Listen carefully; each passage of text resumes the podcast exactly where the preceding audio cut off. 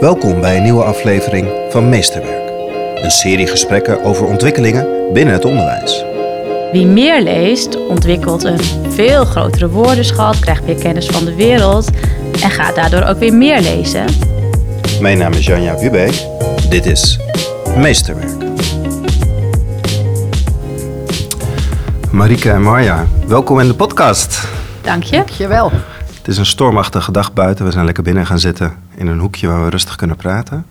De kranten staan vol. De kranten staan vol over bibliotheken die open moeten blijven. De kranten staan vol over leesvaardigheid. Van de week een groot pamflet bij de PO-raad dat leesvaardigheid omhoog moet. We lezen te weinig. Is dat een beeld dat we herkennen? Ja, heel erg. Het is uh, al jaren onze missie om uh, elk kind aan het lezen te krijgen. En daarom wilde ik ook graag bij je aanschuiven, omdat alle negatieve berichtgeving, het komt voor ons natuurlijk niet als een verrassing. Dus daar wilde ik wel graag eens over praten. Herkennen wij het in, in, in de opleiding? Zien we dat studenten steeds minder lezen en meer, minder met de taal bezig zijn? Je ziet dat onze studenten vaak niet als lezer bij ons binnenkomen. Nu heb ik het even over mijn voltijdstudenten die al 17-jarigen bij ons komen. Zij hebben vaak een negatieve associatie met lezen. Op de basisschool hebben ze dan vaak nog wel wat leesplezier, maar zijn ze wel vrij eenzijdig in aanraking gekomen met boeken. Daar bedoel ik mee dat ze de populaire series bijvoorbeeld wel hebben gelezen. En vervolgens in voortgezet onderwijs moeten ze dan boeken lezen die helemaal niet aansluiten bij hun belevingswereld. Dat geldt natuurlijk niet voor alle studenten en alle scholen, maar dit is wel vaak wat ik uh, hoor van ze. En dan komen ze dus op de PABO met een negatieve houding ten opzichte van uh, lezen en jeugdliteratuur. Dan mag ik met ze aan de slag. En is het dan zo dat ze op de middelbare school eigenlijk. De, de, de, met de beste bedoeling moet je die boekenlijst lezen. Ik kan dat ook nog wel herinneren. Je moest dan zoveel boeken lezen. Ja. Mij heeft het ook heel erg gevormd. Maar Mhm. is het dan ook zo dat, dat er een negatieve kant aan zit? Je moet lezen en dan wordt lezen minder interessant? Of is de beeldcultuur in deze generatie gewoon heel sterk? En kijken we liever Netflix dan het lezen van een boek? Ik denk dat het allebei waar is.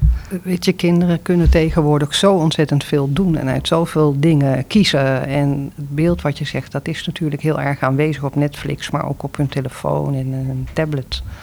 Dus er is minder tijd voor lezen en dan krijg je eigenlijk iets dat steeds versterkt wordt of zo. Als je minder gaat lezen, je, uh, ontwikkelt je taal zich minder goed, ontwikkelt je concentratie zich minder goed.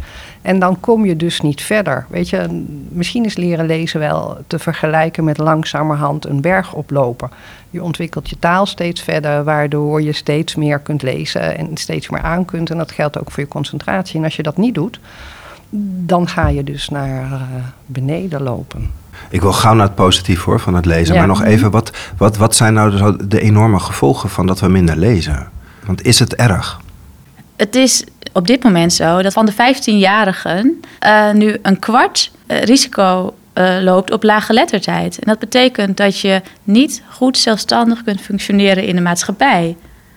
Als je een brief krijgt en je snapt eigenlijk niet wat daar staat. Als je al in het verkeer loopt of als je naar de dokter moet. Of bij alles is het belangrijk dat je kunt lezen. Dus het heeft hele grote gevolgen. Dus daarom is er ook, um, naar mijn mening, veel te weinig aandacht bijna aangegeven aan het feit dat, de, dat PISA-onderzoek, dat de resultaten daarop zo slecht zijn. En voor mij is die verslechterde leesvaardigheid, komt dat ook door de lage leesmotivatie. Nederlandse kinderen hebben van alle landen uit uh, de, van de deelnemende landen de laagste leesmotivatie. Ze hebben het minste plezier in lezen. Ben ik zo naïef, jongens, dat ik, dat ik denk van we zijn allemaal door, door een schitterende leescultuur gekomen. Ben ik naïef? Kijk ik heel naïef naar de middelbare school, de lagere scholen? Ben ik onwetend hierover? Het klinkt ook een beetje als een noodkreet. Ja, zeker. Op dit moment is het, uh, het, het, leesonderwijs op de basisschool, nadat je leert lezen in groep 3, heel erg gericht op methodes en leesstrategieën. Wat naar mijn mening ten koste gaat van het leesplezier. De teksten die aan bod komen in, het, in methodes voor begrijpend lezen. En, en die methodes die zijn ook goed op weg hoor, die, die, die veranderen ook mee. Uh, maar zijn vaak gericht op, uh, op het aanleren van strategieën. Maar lezen. Um, heeft veel meer te maken met woordenschat en kennis van de wereld. Als je die niet bezit, dan heb je, kun je niks met leesstrategieën. En uh, wie meer leest, ontwikkelt een veel grotere woordenschat, krijgt meer kennis van de wereld en gaat daardoor ook weer meer lezen. En bij het vak begrijpend lezen op de basisschool ligt de nadruk heel erg dus op leesstrategieën en gaat het minder en beantwoorden van vragen. Nou, als er iets uh, slecht is voor de leesmotivatie, is dat het natuurlijk. Want dat vindt volgens mij geen enkel kind leuk, vragen beantwoorden bij een tekst. Um, dus als de focus meer zou liggen op de inhoud en praten over die inhoud en lezen wat jou interesseert, dat zou heel positief werken voor de leesmotivatie van kinderen en daarmee ook voor de leesvaardigheid. Ja, en ik, ik wil heel graag nog even iets, iets aanvullen op een eerdere vraag van jou: van wat merken we er nou van? Hè? Uh, wat er ook aan de hand is, als je veel leest, dan wordt je verbeelding geprikkeld en je fantasie. En je wordt daar een veel, veel rijker mens van. En uh, je gaat wat minder in, in, in hokjes denken, om het maar even zo te zeggen. Als je dat ook op het onderwijs plakt en dan aansluitend bij wat Marieke zegt, we zitten daar nog steeds in een soort van afrekencultuur ook. Als je naar CITO-toetsen gaat en dat soort dingen, dat is inderdaad heel veel begrijpend lezen op een heel speciale manier. En dat beperkt het lezen heel, heel, heel erg.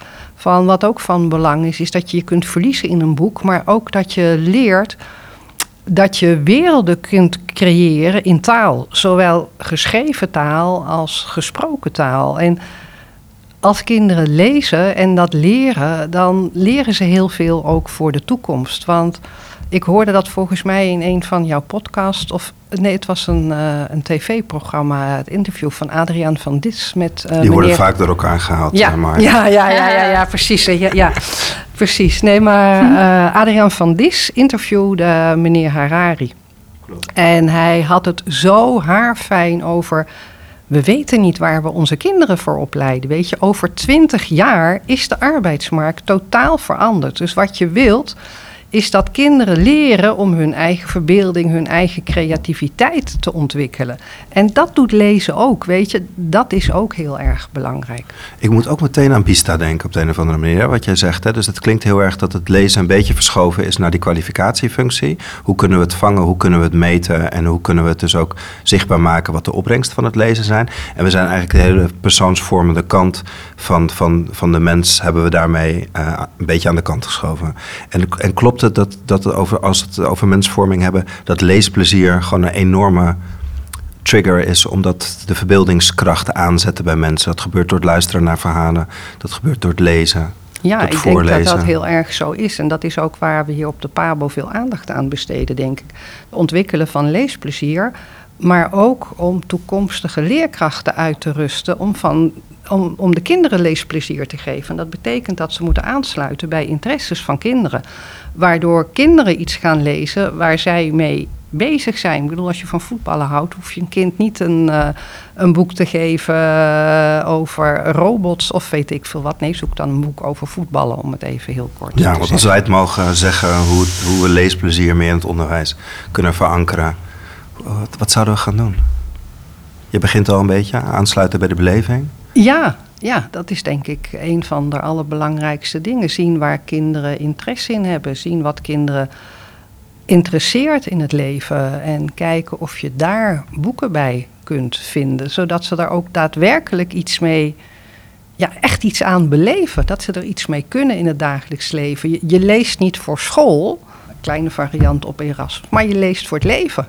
Ja, ik denk ook dat um, het juiste boek bij het juiste kind brengen dat is wat ik zo graag wil bereiken en waarom ik graag wil dat mijn studenten een zo uitgebreid mogelijk repertoire aan kinderboeken lezen in hun pabo-tijd, zodat ze dat juiste boek bij het juiste kind kunnen brengen wanneer ze voor de klas staan.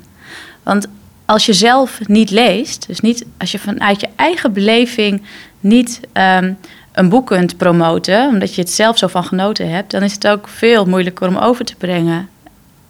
En ik denk dat het ook de taak van de leerkracht is om het kind een stapje verder te brengen.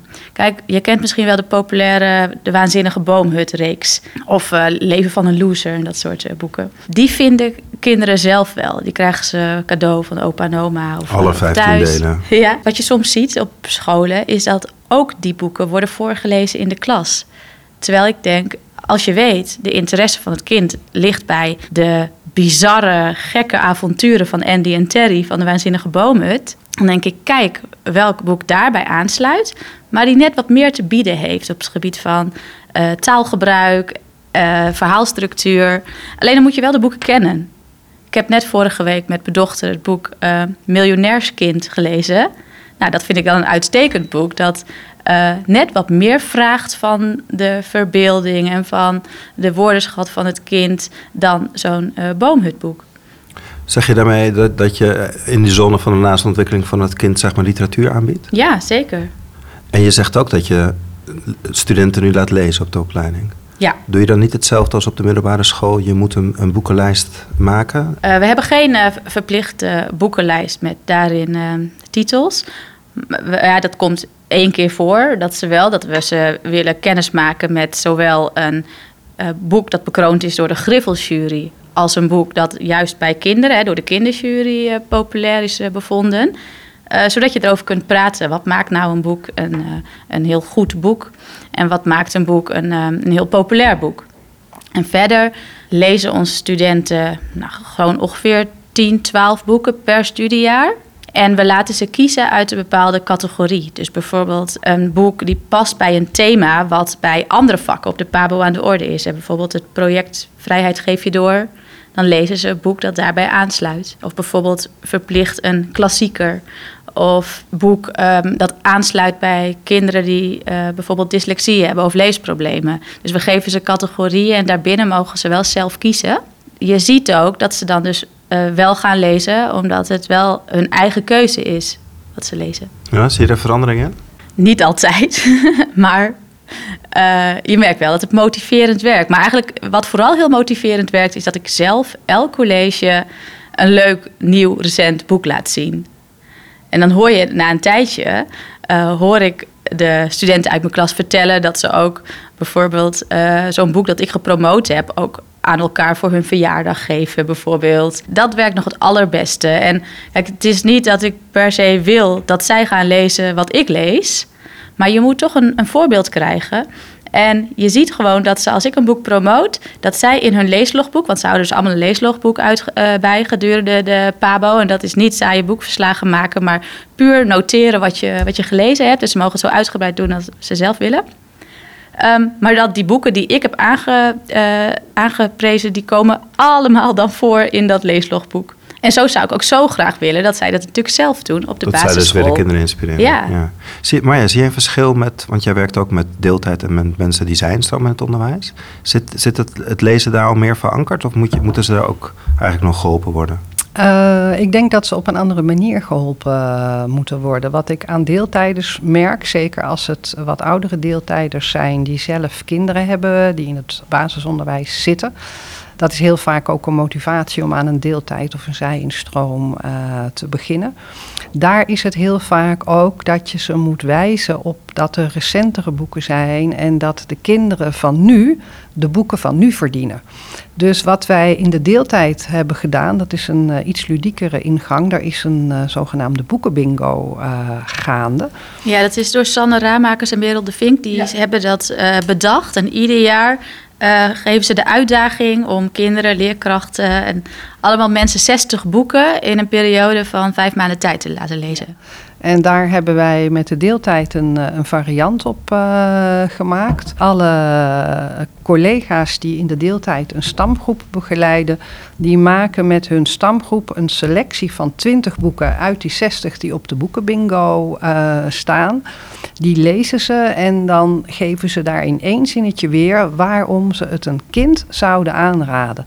Want ook daar lopen we er tegen op dat ze het boek hebben gelezen en ze zeggen stom boek. Maar dan proberen we ze de bril van het kind op te zetten. Zo van net wat Marieke net zei, weet je. Je moet meer lezen dan je zelf leuk vindt. Juist omdat kinderen andere dingen leuk vinden dan jij. Als het een hele stomme vraag is, knip ik hem maar uit. Maar ik moet de hele tijd denken aan... eh, ik heb natuurlijk voor het speciaal onderwijs ook gewerkt. Mhm. Heel veel klassen starten met een kwartier stil lezen. En ik heb altijd eh, het dubbel gevoel gehad. Van, van aan de ene kant dat je rustig een dag begint. Dat het een middel was. Aan de andere kant zag ik ook kinderen boeken verslinden. Zeker daar, dat ze heel erg gefocust waren. Doordat er steeds ritme in dat lezen zat. Is dat, dat, dat kom ik nog wel op meer scholen tegen. Ik weet niet of jullie het nog veel tegenkomen. maar- Ja, ik zou willen dat het overal het geval was. Is dat een Maar goed voorbeeld? Ja, zolang het niet bedoeld wordt dat de leerkracht op dat moment kan gaat nakijken en eh, de kinderen die hun werk nog niet af hebben, dan dat werk moet afmaken. Want het zou juist zo mooi zijn als de kinderen die thuis niet lezen, wel de tijd hebben op school om echt te weg te zakken in een boek. En hoe breng je het nou tot het hogere niveau? Wat jij net zegt, Marja, met die boekenbingo. Want ik heb ook nog het idee, doordat je er dus over praat en het deelt. Hè, dat, dat, laat ik voor mezelf spreken, dat deed ik niet. Na dat kwartiertje lezen. En dan, ze mochten, we gingen dan wel één keer in de, in de week naar de bibliotheek om de boeken te ruilen. Maar we, we spraken daar niet over. Hoe kan je dat optillen zodat je elkaar dan weer een boek door kan geven? Ja, het zou mooi zijn als er natuurlijk aandacht besteed eh, wordt daaraan in de klas. En dat er werkvormen mee gedaan worden. Ehm, ik ken voorbeelden van bijvoorbeeld... hey, je hebt, die boekenbingo is een heel mooi instrument... omdat het ook een soort wedstrijd is. Nou, de meeste kinderen zijn wel ehm, competitief ingesteld. Die vinden het superleuk om... Het zijn 20 boeken per bouw... om die 20 boeken met de klas samen dan in korte tijd gelezen te hebben. Want dat is het spel. Je, je, je, je leest met elkaar die twintig boeken. Ja. En dan is het bingo. Ja, Zo hebben wij het gedaan nu in de deeltijd. Hè. Op, Oh ja. op internet eh, moet je 60 boeken lezen in vijf maanden. En wij wilden het binnen een kortere tijdspanne eh, Ah, doen. Ja. zo, ja. Maar je ziet ook voorbeelden dat er bijvoorbeeld ehm, een plankjes zijn in de klas met eh, eh, goud, zilver, brons. En dat een kind daar een boek op kan terugzetten, dat hij uit heeft. Want eigenlijk is wat de peergroup ervan vindt. Ehm, veel belangrijker nog dan wat de leerkracht over een boek zegt. Dus als andere kinderen zien, oh, dit boek wordt mooi gevonden door een ander, dan wil hij dat boek ook lezen. Of een leerkracht start de dag met het promoten van een boek, leest een klein stukje voor en dan stopt op het allerspannendste moment. Ik noem dat ook wel cliffhanger lezen. En dan wil ook alle kinderen in de klas willen dat boek lezen. Of wat ik wel eens hoor is hè, om leeskilometers te maken, noemen ze dat dan. Dat ze die leeskilometers, dat elke bladzijde telt als een kilometer. En dat ze met de kinderen eh, kijken hoe ver ze komen op een eh, wereldkaart. Of, eh, en dan als ze in Frankrijk zijn aanbeland met hun leeskilometers... dan neemt juf croissantjes mee naar, naar de klas. Of met, met zulke soort dingetjes kun je het lezen enorm bevorderen. En er zijn prachtige initiatieven hier in Leiden... maar eh, overal in het land. Maar het is wel nog vrij klein. Lang niet iedere school doet bewust aan eh, leesbevordering. En dat zou ik zo graag anders zien. Hey, en als we dat meer doen, kunnen we dan ook minder dat toetsen van, van die teksten waar we mee begonnen? Kunnen we dat dan ook vergeten? Nou, ik, ik denk wel dat het belangrijk is om in kaart te hebben welke kinderen achterlopen met lezen. En of je daarvoor de, het middel toetsen is, dat, dat kan.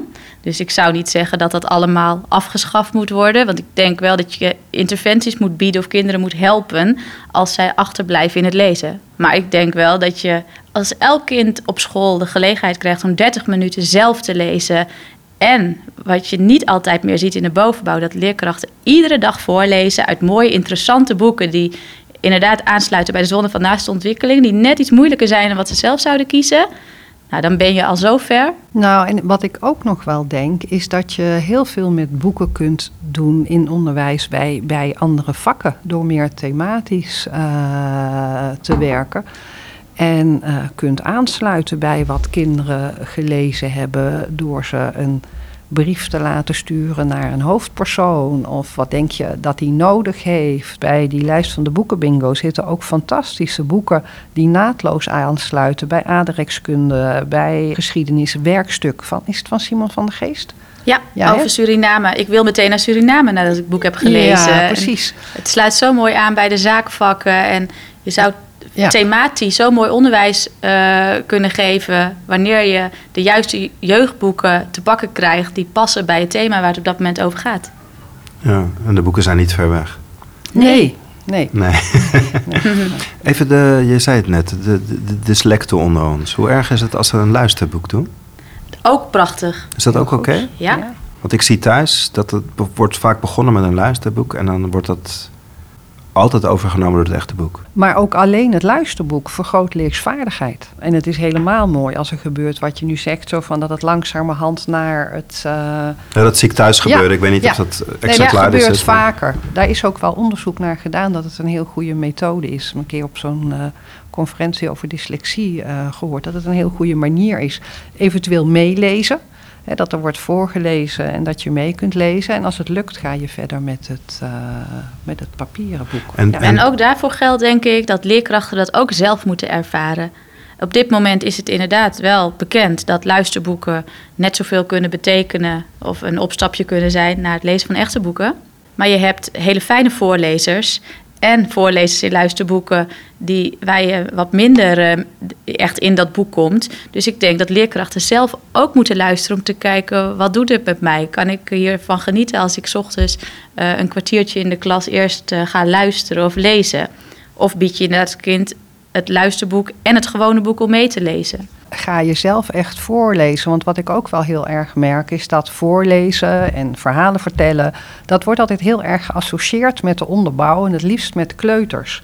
Maar ook in groep 7 en groep 8 is het nog prima om, om, om voor te lezen. Ook dan gebeurt er heel erg veel.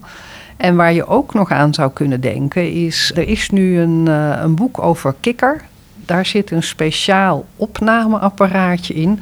Dus dan kun je dat boek over kikker kun je voorlezen en dat wordt dan opgenomen. En op het moment dat je dat boek dan voorgelezen hebt aan iemand, kun je ook zeggen van nou, als je het nog een paar keer wil horen, dan kun je dit zelf luisteren. En wat zou mooier zijn dan kinderen uit groep 7 of groep 8 dit soort boekjes voor te laten lezen. En dat dan eh, bijvoorbeeld eh, aan kleuters te laten luisteren of zo. Weet je, het is, het is leesplezier, maar je kan er ook zo ontzettend veel plezier in hebben. om erover na te denken hoe je het, eh, hoe je het in kunt zetten en hoe je het gebruiken kunt. En de lastigheid is wel heel vaak dat ik merk dat leerkrachten zich beperkt voelen door het schoolsysteem. Van het rooster ligt zo vast, ik moet dit. Ik- Nou ja, daar hadden we het net al over. En dat, dat, dat helpt het lezen niet. Nee, je hebt echt rust en die aandacht nodig. Ja. Maar het geeft ook rust en aandacht. Ja. En iets heel iets anders. ehm, het gaat nu steeds alleen over het lezen op school. Maar uit onderzoeken blijkt dat juist het vrije tijdslezen, het lezen eh, thuis, dus vooral een ongelofelijke toename in leesvaardigheid betekent. Eh, dus daar ligt ook een taak van de school. Je kunt als school natuurlijk niet alles, maar je kunt het wel in je nieuwsbrief, in het contact met ouders. ehm, het belang van lezen duidelijk maken. En wat bijvoorbeeld ook uit onderzoek is gekomen, is dat het voorlezen in de voorschoolse periode.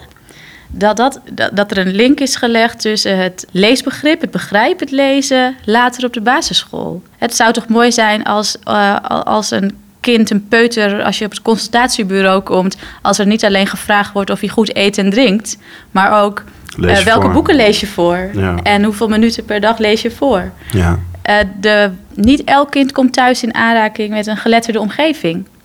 En of is er rijk taalgebruik in huis. En voorlezen kan daar natuurlijk enorm aan bijdragen. En daarom zijn er fantastische initiatieven zoals Boekstart. Waarbij eh, de kinderen hebben een gratis abonnement tot hun achttiende op de bibliotheek.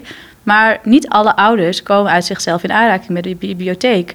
En dat, dat gebeurt volgens mij al wel ehm, bij bijvoorbeeld het consultatiebureau. Maar als, daar begint het. Dus ik denk dat voorlezen in die voorschoolse periode, dat is echt ontzettend belangrijk. Wat weer het pleidooi onderstreept dat die bibliotheken open moeten blijven. Ja. Ja. Waar je over begon. Begon, ja, dat las ik vanmorgen Want in de hier krant. hebben Ja. ze een heel belangrijke rol in, in dat eh Ja. boekstart. Ja. Waar we het nog niet over gehad hebben, is verhalen vertellen. Ja. Want jullie hebben minor verhalen vertellen. En ik, ik heb het idee Ja. dat dat ook een groot appel doet op, de- op die verbeeldingskracht. We- De minor heet van verhalen groeien. En is enerzijds verhalen vertellen. En de andere kant is, gaat over lezen en jeugdliteratuur. Oh, beide komen eraan de orde. Beide komen Ja. aan bod. En het grappige is, ik moet even terugdenken aan een eerdere vraag toen je ook zei van, goh, wat merk je nou van het onderwijs dat wij aan studenten geven hè, in jeugdliteratuur en zo. En we merken dat enorm in de belangstelling voor de minor. Als er in uh, Pabo 3 veel aandacht is voor uh, lezen en jeugdliteratuur en ook in de jaren daarvoor, dan zijn er heel veel mensen die voor de minor kiezen. Maar wat ik vooral ook in de minor heel erg zie gebeuren, is dat studenten meer vertrouwen krijgen in zichzelf en echt durven te gaan staan om een verhaal te vertellen op hun manier. Je leeft daar ook in voor dat je een verhaal dus nog naar je hand kunt zetten lezers hebben dat heel vaak niet in de gaten. Hè. Als je zit te lezen met je boek, daarom is dat gesprek daarover ook zo belangrijk. Want als we hetzelfde boek lezen uh, of hetzelfde verhaal horen en je vraagt een kleur daarna te noemen, dan zegt de een oranje, de ander paars en een volgende groen. En daar gaat het dan heel erg ook om bij, uh, bij de minors, van de, de beleving naar je eigen beleving durven kijken en dat dan delen in een. Uh, het is echt die vormende kant, hè? Het is echt heel uh, erg een vormende kant. ik zie dat ook in de, in de praktijk. Als ik uh, studenten bezoek op de basisschool um, als stagebegeleider. Toen ik een student die gaf een geschiedenisles, hij sloeg een kleedje om en hij was die persoon over wie het ging. En hij vertelde alsof hij die persoon was. Nou, alle kinderen hingen aan zijn lippen. Dat kan het, en, en, en dat blijft hangen. Ja, je, eh, waarom herinner je een, een leerkracht? Dat is vaak, oh, die kon zo mooi vertellen. Het zou het belangrijkste vak op de opleiding moeten zijn. Toch? Nou, het belangrijkste vak weet ik niet. Maar ik weet wel dat ik een pabo zou kunnen maken rondom het vertellen van verhalen. Van als je dat inderdaad in dat, dat, dat vormende stuk pakt. Uh, voor jezelf en, en, en voor de kinderen. En daarnaast ook het plezier in, in, in verhalen. En ook de, de ruimte weer vinden voor jezelf, hè, waar we het net al even over hadden. Je moet ruimte durven pakken en eens gek durven doen om zo'n boek of een verhaal centraal te stellen. En dan in onderwijs te stappen waarvan je zelf ook nog niet weet waar je uit gaat komen. Echt een verhaal vertellen is, uh, is op avontuur gaan. En in die zin is het aan één kant voorbereidend op, op, op lezen. Want kinderen die nog niet kunnen lezen, uh, die kun je natuurlijk wel voorlezen, maar als je zo'n verhaal vertelt, dan kun je nog nauwgezetter aansluiten bij de woorden die ze al wel of niet kennen. Of je kunt even iets veranderen of heel makkelijk input van kinderen meenemen. En als je dan daarna het verhaal vertelt, dan confronteer je ze wat meer met de geschreven taal, die anders is dan gesproken taal. Dus dan heb je dat heel erg naast elkaar en is het een een, een, een opstapje naar, een naar het ander. Hé hey Marike, nog even over die, die boekenbingo. Want die zijn ook hier mhm. geweest. Ja. Um, hoe, kunnen, hoe, hoe komen we bij die boekenbingo? Mensen die luisteren denken, ik wil ook boekenbingo op mijn school. Nou, ze kunnen naar boekenbingo.nl gaan. Daar vind je al die boekenlijsten, posters van de kaften, maar de bingo kaarten. Elke school, je kunt je aanmelden, een account aanmaken. En wat het leuke is, je kunt dan bij elk gelezen boek... Um, kun je die uh, afvinken. En je schrijft er een uh, recensie over. Hè, hoe kort of lang, dat maakt niet uit. Zo zie je dus ook wat andere lezers van datzelfde boek vonden. Iets anders wat hier al jaren hangt. We hangen hier allemaal foto's van mensen mhm. met hun favoriete kinderboek die hun leven getekend heeft. Ja. Als laatste vraag, welk, welk boek heeft jou onlangs geraakt, Marike? Het werkstuk van Simon van der Geest. Waarom? Ik vermoed dat dit zijn derde gouden griffel uh, wordt. Het gaat over een meisje dat op zoek gaat naar haar biologische vader en daardoor in Suriname terechtkomt via een soort spoorloosachtig uh, programma. Maar het is zo knap en mooi uh, geschreven. En aan de ene kant de toegankelijkheid van dat, dat ik denk dat kinderen in groep 7, 8 dat, dat boek echt wel, wel snappen.